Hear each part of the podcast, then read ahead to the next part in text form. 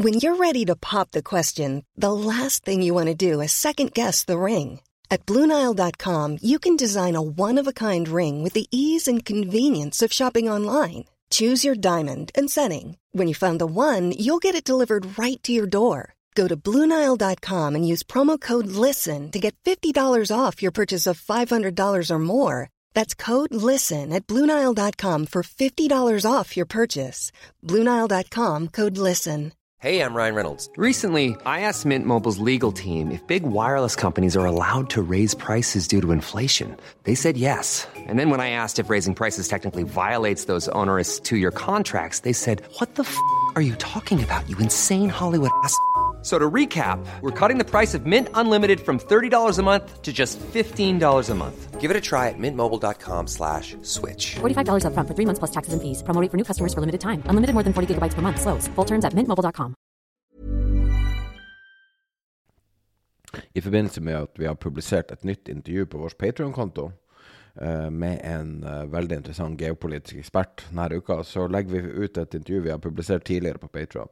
Og det her er med forsvarssjefen i Norge, Eirik Kristoffersen. Det publiserte publisert i høst, eh, så noe er jo litt datert av det vi snakker om. Her er Eirik Kristoffersen. Ja, da har jeg um, nettopp snakka med forsvarssjefen i Norge, Erik Kristoffersen. Og um, må si at det var veldig interessant å høre hans perspektiv på ting. ja. Du har nettopp hørt intervjuet, Peter. Hva du syns om det? Jeg syns intervjuet var, var kjempebra. Jeg syns det var kjempebra på, uh, på mange nivåer. Jeg syns du gjorde en, en veldig god jobb i, i, i dette intervjuet.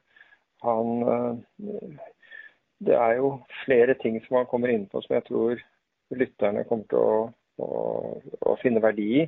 At det ene er jo den analysen av den situasjonen vi befinner oss i øyeblikket, men også hans også er han inne på eh, bakgrunnen i eh, ja, både, både Forsvaret og før uh, Forsvaret. Du hadde gjort skikkelig bra research på det, syns jeg. Uh, og jeg tror at det er jo noen ledelsesgullkorn i, uh, i, det i det han snakker om.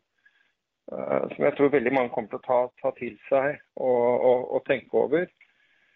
Og så må jeg også si at jeg ble, ble overrasket, uh, fordi vi hadde jo ikke gått igjennom det, dette på forhånd. Han, han, forteller jo for øvrig fra, fra en veldig interessant episode, og, og, denne episoden kjente jeg jo litt til uh, fra tidligere. Men, men, mot slutten så, så, så kommer du inn på på Kjetil Hatlebrekke, som vi har hatt i, i podkasten, og som dessverre eh, forlot denne verden i, i, i mai i år. Og, og, han forteller om betydningen som Kjetil hadde både for altså, hans eh, operasjoner, altså de operasjonene som, som Eirik Kristoffersen gjorde da han var i, i spesialstyrkene i, i, Afghanistan, og muligens andre steder også. Um, men, men, også uh, den rollen han spilte uh, for, uh, for, utviklingen av etterretningsfaget i Norge. Og jeg, jeg må si at som sagt, det var uventet at du skulle komme inn på det, så, så den biten fant jeg fant jeg ganske emosjonell, for å være helt ærlig. Men, men jeg syns at dette var et knallgodt uh, intervju. Og jeg føler meg veldig trygg på at uh, lytterne kommer til å oppfatte det likedan. Men da kan vi bare klippe inn til Eirik Kristoffersen. Det kan vi gjøre. Tusen takk for at du kunne stille opp i podkasten som gjest. og jeg må skuffe deg med at det er faktisk andre generalen vi har som, som gjest. Eller den forrige var vel en tidligere general, general Petraeus. Og det er veldig interessant å høre ting fra deres perspektiv langt opp på toppen. Det er veldig bra. Vi, jeg, jeg, kaller det ikke på toppen, jeg kaller det jo for å være langt bak. Så, så vi som er forsvarssjefer og, og, andre generaler, vi har jo egentlig bare rykka tilbake fra fronten og, og havna litt lenger bak i organisasjonen. Så jeg, jeg tenker det sånn rundt, rundt stillinga. Apropos stillinga di, hvordan er en dag for en forsvarssjef? Hva, hva går det ut på? Sånn, enkelt forklart så, så, gjør jo forsvarssjefen tre ting. Eh, det ene er å lede Forsvaret. Det andre er å holde nær kontakt med allierte og, og venner. Og det tredje er å, være rådgiver for, for regjeringa i saker som angår Forsvaret. da. Så, så, dagene mine består jo av det her, de tre oppgavene, men, men hver dag er jo, er jo forskjellig. Men kan du si sånn steg for steg, starter du som militær er kjent for fryktelig tidlig? og Hvem er det du liksom snakker med fra dag til dag? Hvordan foregår en, en typisk dag? Er det møter hele dagen, eller er det, snakker du med soldater mesteparten av tida, eller snakker du med sivilister mesteparten av? Hvordan foregår det? En typisk dag eh, er for det første så finnes det ingen typisk dag.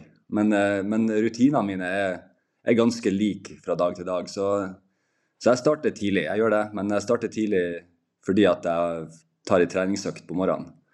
Så jeg starter typisk eh, halv sju med en eh, joggetur eller en styrkeøkt eller eller noe som er fysisk. Og så, eh, og så, møter jeg ikke på jobb før klokka nærmer seg åtte. da. Eh, ferdig trent og, og, klar for dagen. Eh, og da er det forskjellig fra dag til dag. Av og til så er det orienteringer. Fast en gang i uka orienteringer med, fra både Etterretningstjenesten og det operative hovedkvarteret om hva som er situasjonen. Hvis det ikke har skjedd noe spesielt. Da er det rutinemessige orienteringer. Og så er dagen fylt med møter både med departementet, med, med sjefer, med andre aktører i det vi kaller totalforsvaret. Eh, som er alle andre aktører i Norge som også bidrar til Forsvaret. Egentlig alle sektorer. Eh, og så stiller jeg jo veldig ofte opp på, på sånne ting som eh, intervju, podkast eller, eller fortelle litt om Forsvarets videreutvikling. Så, så det er en veldig variert, varierte dager. Det er det som, som kjennetegner dagene. Men det som er felles, er at de, jeg prøver å få lagt inn ei, ei treningsøkt hver dag. Sånn eh, apropos eh, rangorden, hvem anser du som din sjef? Kongen? Ja, min sjef er jo, er jo eh, sånn formelt det er jo, Nei, det er, det er, det er jo eh, departementsråden jeg rapporterer til. Eh, altså forsvars, departementsråden i Forsvarsdepartementet. Men det er jo, det er jo statsråden som, eh, som, er min nærmeste sjef. og, så, og, så, er det jo han som, som jeg gir råd til når det kommer til utvikling av, av Forsvaret. Apropos liksom, dine prestasjoner, du sier du starter med ei treningsøkt tidlig. Noe vi har skjønt at veldig mange vellykka personer nettopp gjør. og eh, Apropos sånn prestasjon og sånn. I boka di så nevner du et eh, sitat fra en barndomsvenn eh, som du sier i boka har vært viktig for prestasjoner i, eh, i livet ditt. Kan du fortelle litt mer om det, og, og, og hva sitatet er, og hvordan du har brukt det? Ja, Nå er jeg litt usikker på hvilket sitat du sikter til. Skal jeg lese det opp? Ja. Jeg vil ikke si det i tilfelle du, du ja, vil si det. Um, det sitter i hodet, Eirik. Du må gi alt. Du vinner hvis du ikke trekker deg. Nei, det, det, var en, det var en, en, som jeg vokste opp med, som var litt eldre enn meg, eh, som var veldig god i fotball. Og på et tidspunkt så, når jeg gikk på videregående, så spilte han på det vi kalte A-laget, altså det voksne laget i, i Bjerkvik. Og eh, når vi var på trening, så så mente han at, eh, at vi måtte konkret gi gass. Vi måtte ikke trekke oss. Helt konkret så var det i forbindelse med innlegg og cornerer, der han mente at vi måtte bare ta det rommet og satse og, og tenke at denne ballen skal vi vinne. Hver eneste ball er, har vi muligheten til, til, å vinne. da. Så jeg husker veldig godt hvordan den, det han sa, direkte relaterte seg til, til hvordan jeg oppførte meg i feltet under en corner.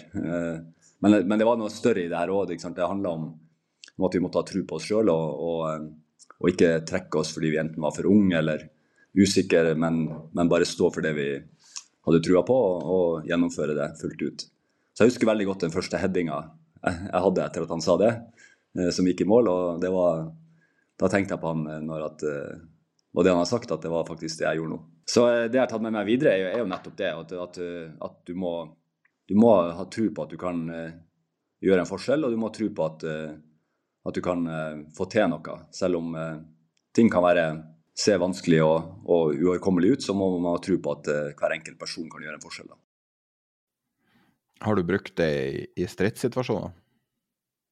Jeg har jo tenkt bestandig at, at, folkene er det viktigste vi har, og at folkene har en enorm kraft i seg sjøl, hvis vi bare klarer å, å slippe denne kraften løs. da. Eh, så for meg så har det vært, eh, vært å, å, ikke skylde på andre. Eh, la ansvaret stoppe hos meg, og ikke delegere det videre.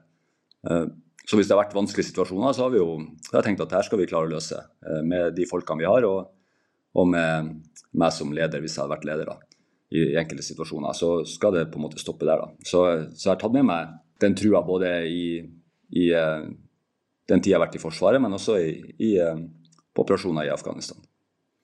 Du sier 'hvis jeg har vært leder'. Jeg ser på CV-en din, så har du vel nesten alltid vært leder. Og det sier jo kanskje litt om hvorfor du er der du er nå. Er, det noe du husker godt fra tida di i Forsvaret, kanskje spesielt i den tidlige delen? Jeg ser at du var uh, Den første oppføringa di som lagfører i Ingeniørbataljonen. Og det var vel uh, Du ganske ung når du, når du drev på med Er det noe du som forma deg da? Grunnen til at jeg spør, er ofte at de tidlige jobbene man har, ofte sitter litt sånn i ryggmargen på en annen måte enn senere del av karrieren. Har du opplevd noe sånt? Det, det, jeg opplevde da jeg begynte i Forsvaret, var jo at vi fikk utrolig mye ansvar og tillit veldig tidlig. Eh, jeg kom jo rett fra videregående skole og begynte på befalsskolen. og Så var jeg lagfører i Ingeniørvåpenet. Jeg var en tur til Libanon før jeg tok videre utdanning i Forsvaret. Og eh, den eh, Grunnen til at jeg ble i Forsvaret, var jo nettopp fordi vi fikk tillit og ansvar til å gjøre, til å gjøre det vi var satt til å gjøre, nemlig å løse oppdraget og ta vare på folkene våre veldig tidlig. Og, og, det å løse oppdraget og ta vare på folk er jo det som jeg har satt mest pris på med Forsvaret. Det handler om begge deler. Det handler om å skape gode lag. Eh, uansett hvor stort det laget er, eller hvor lite det er, så må du skape et godt lag, og så må du bruke de folkene for å få løst oppdrag. Det jeg husker best fra de, fra de første årene mine, var jo, var jo alle, alle, de tingene jeg gjorde feil. Altså det at eh, F.eks. når vi skulle når jeg var på Skjold og skulle, så skulle bygge bygge sånn, eh, eh, ja, en sånn ferge for å sette over materiell, sette over kjøretøy over et vann. Og Så hadde jeg et lag der, og så begynte jeg å bygge ferga. og Så han, så var troppssjefen bort til meg og sa at Eirik, du er ikke lenger bare soldat, du er også leder. Du må trekke deg tilbake. Du må, la, du må lede. Du må ikke tro at du kan gjøre alt sjøl. Du må få laget til å jobbe sammen. Og Det er en sånn lærdom jeg har tatt med meg videre, eh, jeg, der jeg fortsatt går i fella da, og prøver å fikse ting sjøl uten å få med meg alle folkene. da. Men det, det er klart, de lærdommene sitter jo i, da, og, og har jo selvfølgelig forma meg. Det er interessant at du sier det, for at uh, på et personlig grunnlag så kjenner jeg flere som har fått sjefsstilling i det siste. Og det er et problem som jeg tror mange støter på i uh, vanlige sivile jobber. Det kan være ganske trivielle jobber, men når du får lederansvar, så er det så annerledes. Husker du den overgangen utover det du sier nå? Altså, hvordan du håndterer å få lederansvar, og hva, hva som er så annerledes med å prestere sjøl, om det er liksom idrett eller om det er militært, eller, eller, hva det skal være. Hva er forskjellen, på en måte? Det viktigste er jo at det handler jo ikke om deg sjøl lenger. Det handler jo om alle folkene rundt deg. Så det handler ikke om hvor fort du springer 10 km på, eller eh, hvilke dueller du vinner på fotballbanen, eller hvor fort du svømmer bassenget, for å snakke om mine egne erfaringer. Men det handler om, det handler om å få folkene til å jobbe i samme retning, og ikke, og ikke tråkke ned de gamle løsningene mine på de problemene som de står overfor. Eh, for de finner ofte løsningen, bedre løsning enn jeg klarer å tenke ut når du sitter konkret med problemet. Og Det jeg lærte mest av, av rundt det her, var jo den tida jeg var i spesialstyrkene. I spesialstyrkene så var det helt grunnleggende at vi som skulle løse oppdraget, vi skulle bare få vite hva som skulle oppnås. Og skulle sjøl finne ut, med alle kreative metoder, hvordan vi skulle nå det målet. Så der var det satt veldig i system.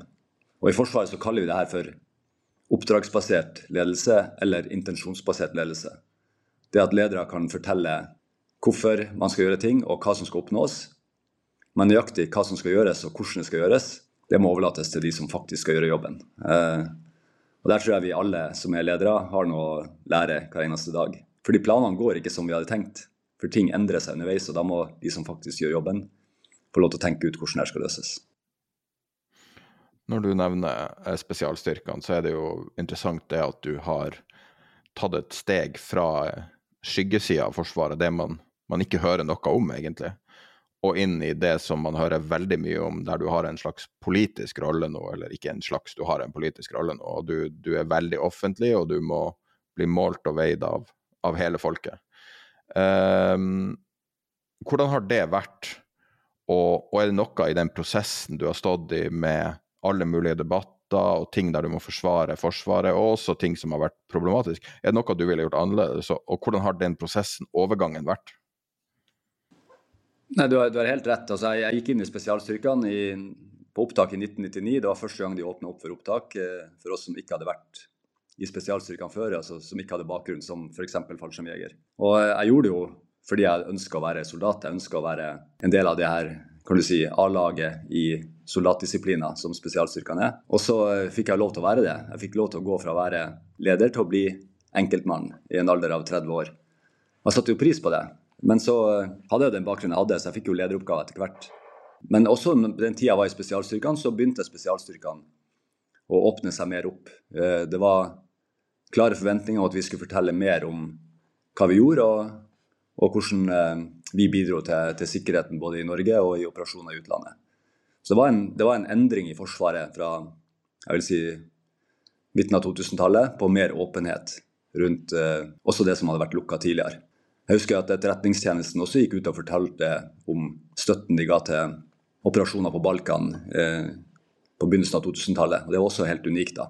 Så det var, det var, en forventning om større åpenhet, og, og, det gjorde at jeg også ble mer eksponert eh, tidlig for, eh, for, å både måtte skrive og, og, være til stede på forskjellige intervjuer. Så når jeg ble, når jeg ble forsvarssjef, så var det jo opplagt at, at, en viktig del av jobben er jo å fortelle om hva Forsvaret gjør, og, og hva Forsvaret skal bli fremover, eh, og hvordan det egentlig står til. da eh, også i den offentlige debatten. Så, så, det var naturlig å gå i den rollen. Og jeg hadde jo en ambisjon om å ha enda mer åpenhet rundt Forsvaret. Eh, knytte folk og forsvar veldig tett sammen.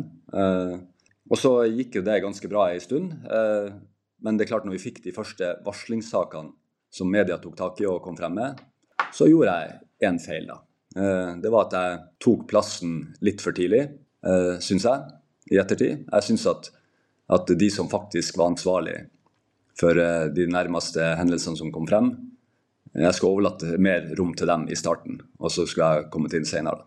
Men, eh, men jeg, tok, eh, jeg tok det rommet litt for tidlig og begynte å kommentere både, både saker som omhandla filming i dusjen, som omhandla en offiser som hadde bedt en, en, et befal om å, å lyge i retten, som egentlig ikke var forsvarssjefen sitt ansvar den gangen. Det var enten sjef Hæren eller den bataljonssjefen som hadde ansvar for det her, som kunne ha uttalt seg først. da. Så lærdommen er jo igjen la de folkene som, som, står nærmest, få mest mulig tid til å gjøre jobben først, før, uh, før man begynner å, å, å, gripe inn. da. Så det mener jeg var, var, uh, Det var ikke så lurt av meg. Men samtidig så var det, var det også en måte å, å, vise at både jeg og hele Forsvaret tok ansvar. Så jeg har ikke noe fasit. Men jeg føler i ettertid at jeg kanskje gikk for tidlig inn. Det er på en måte litt den samme lærepengen du, du hadde som leder? Ja, det, det, det, er en parallell til det, til det jeg fikk tilbakemeldinger på som ung leder òg. Eh, husk på at, eh, at, det finnes mange folk der ute som, eh, som skal gjøre jobben, og ikke, og ikke, gripe inn og gjøre alt sjøl med en gang. Så det er vel Jeg tenker det, det er noe som er overførbart til veldig mange ledere. Vi har, vi har, vi har, de som blir ledere, har nok et ønske om å rydde opp og, og ordne opp og, og få ting til å skje. Og så eh, er vel kanskje den, den, utålmodigheten som også kan være en styrke, kan bli en, en fiende. Et, en verdi som det kan virke fra utsida som du har, er at, at, man ikke skal kritisere uten å foreslå ei forbedring eller en endring. Altså at ikke man skal bare løst kritisere. Uh, for det første, om, om, det stemmer, kan du jo bekrefte eller avkrefte, men, men, føler du at media, politikere og andre sånne offisielle synsere, syns du de oppfører seg på det samme måte? Jeg syns jo folk generelt er flinke til å ta ansvar for det de, for det de er ansvarlig for. Uh, de, de, eh, de, som er ledere, snakker jo om det de har ansvar for, og, og, hva som har gått bra og hva som har gått dårlig. Jeg opplever at det er en åpenhet i Norge, også opp mot pressen, på å prøve å få frem fakta og få frem sannheten. Eh, men så er det jo i alle sånne saker så vil det jo alltid være forskjellige vinklinger fra media. Det vil være forskjellige eh, fakta som kommer frem senere som du ikke hadde oversikt over i starten. Så det er veldig lett å, å kritisere i ettertid, men vi må huske også på at den situasjonen som folk står i første gang de blir utfordra, er kanskje Man kanskje har, har, kanskje ikke det hele bildet med en gang, men det kommer frem etter hvert. Så jeg tror, jeg tror vi skal være forsiktige med både å kritisere både ledere, men også kritisere pressen, fordi jeg tror alle sammen søker etter den sannhet. Eh, og så kan det ta litt tid å finne den, den rette, direkte, de rette faktaene og den rette sannheten.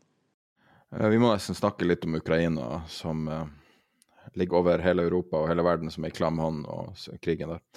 Um, husker du første gangen du skjønte at det her kom til å gå galt? Jeg husker, jeg husker første gang jeg ble ordentlig bekymra. Eh, det var jo høsten 2021. Eh, og Da må vi huske på at krigen hadde vart i mange mange år allerede. Det første annekteringen av Krim skjedde i 2014, og, og, siden da så pågikk det en kamp, en krig, øst i Ukraina som kosta mange tusen menneskeliv, eh, men som gikk litt under radaren. da. Men, men når vi var ferdig med uttrekket fra Afghanistan høsten 2021, så, så var, vi gikk vi jo rett over i, i sånne møter med allierte rundt hva, hva som skjer rundt Ukraina med den russiske styrkeoppbygginga som foregikk der. Uh, helt konkret så var det jo så var det 8.12.2021. Da, da innførte, vi, da innførte jeg åtte beredskapstiltak i forsvarssektoren i Forsvaret, som, som, var ment for at vi skulle være bedre rusta hvis det ble krig i Ukraina. Og Det var jo en par måneder før invasjonen faktisk skjedde. da. Så vi var ordentlig bekymra i jula 2021 for hva som kom til å skje. Fordi vi så at den russiske styrkeoppbygginga var ikke bare en øvelse, det var mer enn det. Og Vi husker alle skytteltrafikken med, med folk som begynte å reise frem og tilbake til, Ukraina, til Russland for å prøve å overbevise president Putin om at det er en dårlig idé. Så det var, det var, en bekymring hele den høsten, og spesielt vil jeg si i desember og, og ut på nyåret. Der vi stadig innførte flere beredskapstiltak i Forsvaret for å, for å være klar på at uh, i fall det skulle skje noe. Så når, når invasjonen kom 24.2, eh, så var jeg jo overraska over hvor langt Russland var villig til å gå. Eh, men at det kom en invasjon, det var jeg ikke overraska over. Men at de prøvde å angripe både hele Øst-Ukraina og samtidig gå hele veien mot Kiev med så store styrker, det tenkte jeg var å strekke seg litt for langt. da. Det tror jeg jeg sa i et intervju med TV 2 rett etterpå. At det, for meg virka det som det her var å gå litt for langt. Eh, i forhold til den militære styrken de hadde. da. Så heldigvis så, så klarte Ukraina å stoppe fremrykninga både mot Kyiv og, og etter hvert også i øst. og Det gjør at det etter hvert ble en fastlåst situasjon som, som vi fortsatt uh, står i. Hvordan syns du status er akkurat nå? Det er jo mange eh, meningsytringer om statusen nå, og enkelte eh, f.eks. i Storbritannia, så enkelte politikere som driver og, snakker om at, at, de ikke ser nok fremgang, man tar strategiske valg de er uenig med. Ting som Bakhmut kontra å prøve å, å stoppe forsyninger og sånn der type ting. Og, og eh, senest eh, i helga nå fikk vi vite at eh, en av kravene for å holde USAs eh, eh, stat i gang, var at man skulle bremse en ny tilskudd av penger til Ukraina. Samtidig som vi hører at Eh, Kina trenerer leveranser av droner, altså vanlige kommersielle, eh, sånne billige små droner, til Ukraina. Så det er store ting som skjer nå. Men hva er også ikke minst alt, all det som er på slagmarken, som vi kanskje har litt mindre innsyn i. Men hva, hva er status akkurat nå? Statusen i Ukraina akkurat nå er jo at, eh, at Ukraina har stoppa uh, Russland sin fremgang. Det gjorde de for en god stund siden. De, Russland har ikke lykkes med med de opprinnelige målene sine, som var både å bytte, bytte ut president Zelenskyj, ta store deler av Ukraina og hindre Nato-utvidelse. Og Alle de tre strategiske målsettingene har de bomma på. Eh, så, så, i det store bildet, tilbake til februar 2022, så har Ukraina klart å slå tilbake igjen mye mye mer enn det som man kanskje kunne ha forventa mot en så, så relativt uh, mye større militærmakt som Russland er, i forhold til det Ukraina er. Og, og Det har jo skjedd takket være vestlig våpenstøtte. Uh, så det at vi har bidratt fra Norge med, med luftvern og artilleri og, og, andre ting, har vært direkte medvirkende til at Ukraina har klart å, å, å, holde tilbake og begynt å ta tilbake igjen sitt territorium. Så det er mange som mener at Ukraina skulle ha gått mye lengre eh, i offensiven og, og, mener at det skulle vært andre løsninger, men jeg er sikker på at det er ingen som vet bedre om hvordan denne krigen skal slåss nå, enn både den ukrainske forsvarssjefen, eh, general Salusjny, Eh, og eh, det ukrainske lederskapet. De vet hva som må til for å både holde sine egne folk i live, men også for sakte, men sikkert å kunne ta tilbake mer eh, terreng og mer territorium. Og så vet de også at, at de er helt avhengig av, av vestlig luftvern, eh, vestlig luftvernstøtte, for at de skal klare å holde unna det russiske luftforsvaret. Så bekymringa mi har vært hele tida at Ukraina på et tidspunkt ikke skal ha nok luftvern. Så, så, så hvis, hvis, Russland klarer å bruke luftforsvaret sitt i denne krigen fullt ut, så kan det bli veldig eh, brutalt. Eh, enda mer brutalt enn det er nå. Og det, det har de ikke klart, takket være eh, Ukraina sin kreativitet og evne til å bruke det luftvernsystemet de har fått fra Vesten, til å holde unna det russiske luftforsvaret.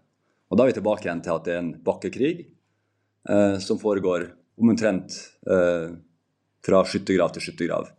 Og det tar tid, og det, det er veldig, en veldig komplisert operasjon og veldig farlig for de som er involvert. Så vi må huske på de enorme menneskelige kostnadene som Ukraina tar pga. denne krigen, eh, der deres egne soldater tar stor risiko, og mange blir drept eh, ved fronten der den er nå. Så begynne å kritisere deres krigføring, det tror jeg er veldig feil. Jeg tror vi skal forstå eh, veldig godt hvordan de fører denne krigen, med de forutsetningene som de har. Hvor viktig tror du F-16-flyene vil bli? Nei, på sikt så skal jo Ukraina sitt luftforsvar og hele Ukraina sin militærmakt skal jo, skal jo, mest mulig bort fra det vi kan kalle gammel sovjetisk eh, materiellpark, til en mer vestlig eh, materiellpark som er mer lik det som andre land i Vesten opererer. Og F-16 er jo en donasjon som er typisk på, på lengre sikt enn, enn for akkurat den kampen som foregår nå. Så på sikt så vil den bli viktig, men det, det er enorme utfordringer også med å innføre et nytt, et nytt flysystem, et nytt jagerfly inn i et forsvar. Vi har akkurat vært gjennom, og er fortsatt i den transformasjonen vi har vært gjennom med F-16 til F-35.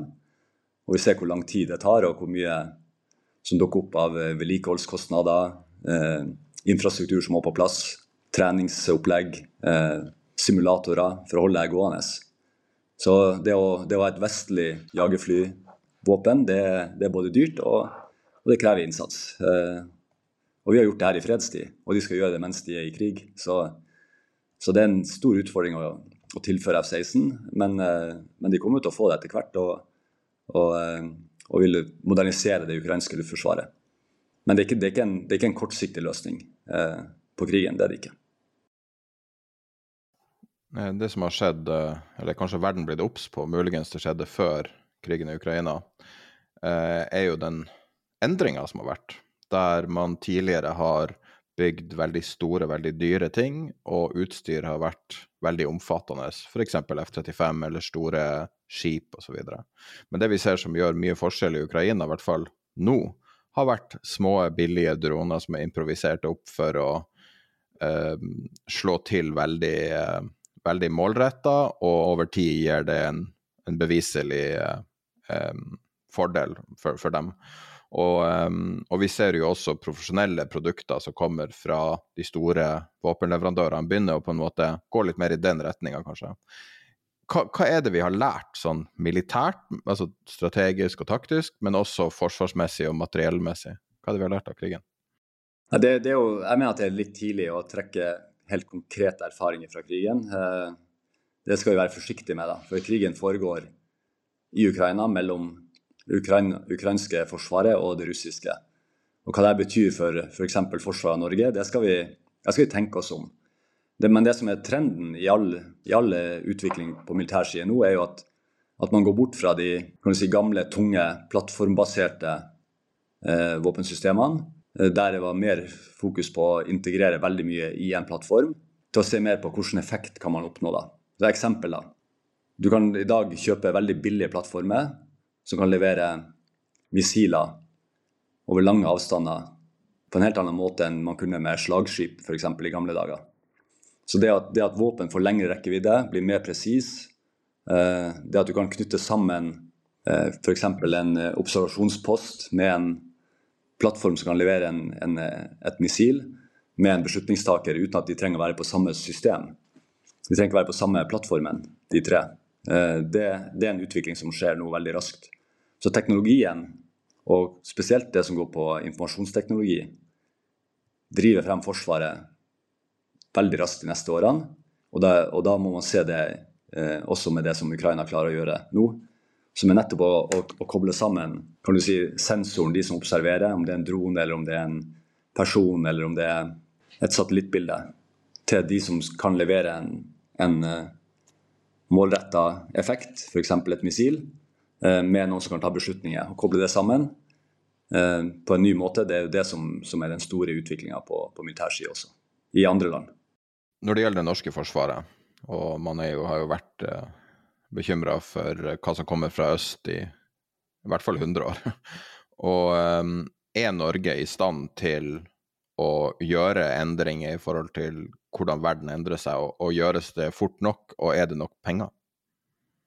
Jeg har jo, nettopp gitt et, et, fagmilitært råd, det ga jeg i, i, juni. og Der påpeker jeg jo at, at, det viktigste for Forsvaret er at det er en balanse mellom de oppgavene som Forsvaret får fra politisk nivå, eh, og den økonomien som kommer, også politisk bestemt, med den strukturen som jeg anbefaler at de tre tingene er i balanse. Og Da er det bedre å ha en, en mindre struktur eh, som er finansiert, enn en større struktur som ikke er finansiert. Det er den enkle versjonen. da. Så det norske forsvaret er i en god posisjon for å, for å, utvikle seg videre, fordi vi har vært gjennom så mange omstillinger.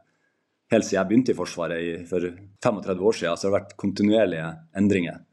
Og de endringene må fortsette å skje, eh, og de må skje enda raskere nå enn de har gjort før. Så vi har vært, vi har vært gjennom en periode der, der vi bygde og bygde ned Forsvaret, der vi egentlig hadde ganske god tid, men vi fikk eh, mindre og mindre penger. Til en tid nå der vi får mer penger, eh, men vi har også dårligere tid. Så vi må endre oss raskere de neste årene enn vi har gjort de siste 20. da. Eh, og Det kommer til å stille krav til oss. Det kommer til å stille krav til alle ledere i Forsvaret, men det kommer også til å stille stiller krav til at vi må evne å tenke nytt rundt, rundt både teknologi og, og, hvordan vi faktisk skal forsvare Norge. Eh, både som norske soldater, men også i samarbeid med nære allierte. Og spesielt det at Sverige og Finland også blir medlem av Nato nå, er jo, er jo en stor, stor, endring i vår måte å tenke forsvar i Norge på. Det finnes et bilde av deg som er bredt spredd ut, til og med på Wikipedia. Så jeg regner med at dere syns det er greit at det er publisert. Og det er vel når man publiserer bilder av en spesialsoldat, så er vel det nøye gjennomtenkt.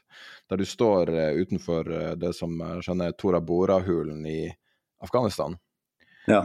Og de hulene er jo kjent for at Sam bin Laden oppholdte seg der. Kan du si noe om den operasjonen og, og den dagen, og, og, og, ja, om du husker noe spesielt fra, fra det? Det var, det var en ganske udramatisk operasjon, faktisk. Eh, vi skulle inn og, og, gjøre det man kalte sensitive site exploitation. Altså vi skulle inn og sjekke ut de her hulekompleksene for å finne ut om det var, fortsatt var opprørere som oppholdt seg der, om det var utstyr som var, lett, eh, som var lagt igjen, eh, og om det var ting som, måtte, som, kunne bidra til å bygge et etterretningsbilde. Så vi, vi fløy inn med en, med en god sammensatt styrke med norske, kanadiske, newzealandske, hvis jeg husker rett, eh, spesialstyrker. Og så landa vi i området og, og sikra området, og det var helt på grensen til Pakistan. Så det mest dramatiske som skjedde sånn, sånn rent uh, militært, var vel at de, de, pakistanske grensevakten ble veldig oppmerksom på at vi var så nært, og, og begynte å rette våpen og, og, på en måte true oss litt. da. Og Så fikk man roa ned den situasjonen, og så fikk noe søkt gjennom hulene. og Det, det, var, noe, det var ikke noe store funn. Det var, ble funnet noen ammunisjonsrester og, og, det ble funnet noen andre ting, men, eh, men, det var veldig udramatisk. Eh, men det var et veldig spesielt sted å være. Det var jo, det var jo enorme hulekompleks som, eh, som var bygd ut under, under på 80-tallet, altså i kampen mot, mot Sovjet, faktisk, av Mujahedin. Som senere ble brukt av Al Qaida og, og Taliban. Så det var, det var ikke noe dramatisk rundt den dagen. Det var en veldig standardoperasjon som ikke gikk, som gikk etter planen, og som ikke, som ikke medførte noe, noen store endringer. Men det var jo det var oppe i fjellene, det var snø. Det var, det var eh, typisk sånn at du forventer at når du flyr inn og lander, så er du forberedt på at alt kan skje, og så, og så etter hvert så roer det seg ned, og så, og så skjønner du at her kommer det ikke til å skje så mye. Eh, og så fikk vi gjort det vi skulle gjøre, og så, så trakk vi ut. Jeg har inntrykk av at uh, du var venn med Kjetil Hatlebrekke. Og uh, din bror skrev jo også ei bok sammen med han like før han døde. Og hvis du ikke vet det, så var Kjetil Hatrebrekke en gjest hos oss i tillegg tidligere ja. i podkasten. Uh, eh, du som har litt mer innblikk i hva som skjer og hva som har skjedd og sånn, kan du gi oss litt innsyn i hva han gjorde for Norge? Ja, Kjetil Atlebrekke var jo en, en veldig dedikert etterretningsoffiser. Han, uh, han, var med oss til Afghanistan første gang i 2002, og da ble jeg kjent med han. Han, han, ga oss orienteringer, han brifa oss opp. Men han, han, tok også og gikk gjennom veldig nøye hva vi har vært med på. Også på sånne udramatiske operasjoner som den jeg akkurat snakka om. Og gjennom hans måte å, å kan du si, samle all den informasjonen hver enkelt av oss hadde, så klarte han også å bygge et bilde. da. Så Jeg husker en annen operasjon vi var på der, der vi følte, akkurat som den jeg fortalte om, det var ikke noe dramatisk med det her. Eh, men der summen av det, det, vi, det vi, hadde opplevd og, og fått, fått, med oss av informasjon, var nok til at uh, han kunne konkludere med at uh, Al Qaida hadde trukket uh, ut av det området her og lengre mot det området der etter hvert operasjonen Anaconda gikk inn i senere på, på, året. En stor operasjon som var på en måte den siste store operasjonen mot Al Qaida i, i Afghanistan. så han, han, hadde en analytisk evne og en evne til å se detaljer som, som gjorde at han var veldig god. Eh, I tillegg så har han jo selvfølgelig vært med på mange operasjoner, eh, i, som også står om i boka, både på Balkan og, og Irak og, og, Afghanistan. Men det var spesielt det arbeidet han gjorde med, med å videreutvikle faget. da. videreutvikle etterretningsfaget til å, til å, bli noe som vi alle kunne kjenne oss igjen i. da. Og som, der vi alle kunne bidra. Og der vi alle skjønte at det her er jo, er jo viktige Detaljene er viktige. Det er viktig at vi, at vi eh, ikke bare gjør ting, men at du også, reflekterer reflektere over det og får ut informasjon og får rapportert det på en ordentlig måte. Da. Så han var jo en, han var en, en uh, etterretningsnerd på en måte. da. Altså han, han, han, gikk veldig tungt og langt inn i, inn i etterretningsarbeidet, og, og tok det også over på, på forskningssida. eh, som gjorde at hele faget har utvikla seg eh, på, på grunn, veldig mye pga. Av hans personlige innsats. Det fikk han også medalje for fra E-tjenesten Eh, Etterretningstjenestens fortjenestemedalje fordi at han utvikla faget. Og så hadde han et stort nettverk av mennesker. Så han, han, var, aldri, han var aldri eh, opptatt av seg sjøl, egentlig. Han var opptatt av folkene rundt seg. Og han var opptatt av eh, at vi skulle få, frem det beste i folk. da. Han kunne være dypt uenig, men allikevel føle en god samtale. og, og, så kunne man komme frem til ny viten. Og det, var, det kjennetegna Kjetil. Tusen takk for at du stilte opp i intervjuet hos oss. Det var veldig lærerikt og uh, utrolig artig å høre om, om ditt perspektiv. Takk skal du ha. Håper jeg kan brukes til noe. Even on a budget, quality is non-negotiable. That's why Quince is the place to score high-end essentials at 50 to 80% less than similar brands. Get your hands on buttery soft cashmere sweaters from just 60 bucks, Italian leather jackets, and so much more. And the best part about Quince, they exclusively partner with factories committed to safe, ethical and responsible manufacturing. Elevate your style without the elevated price tag with Quince. Go to quince.com/upgrade for free shipping and 365-day returns.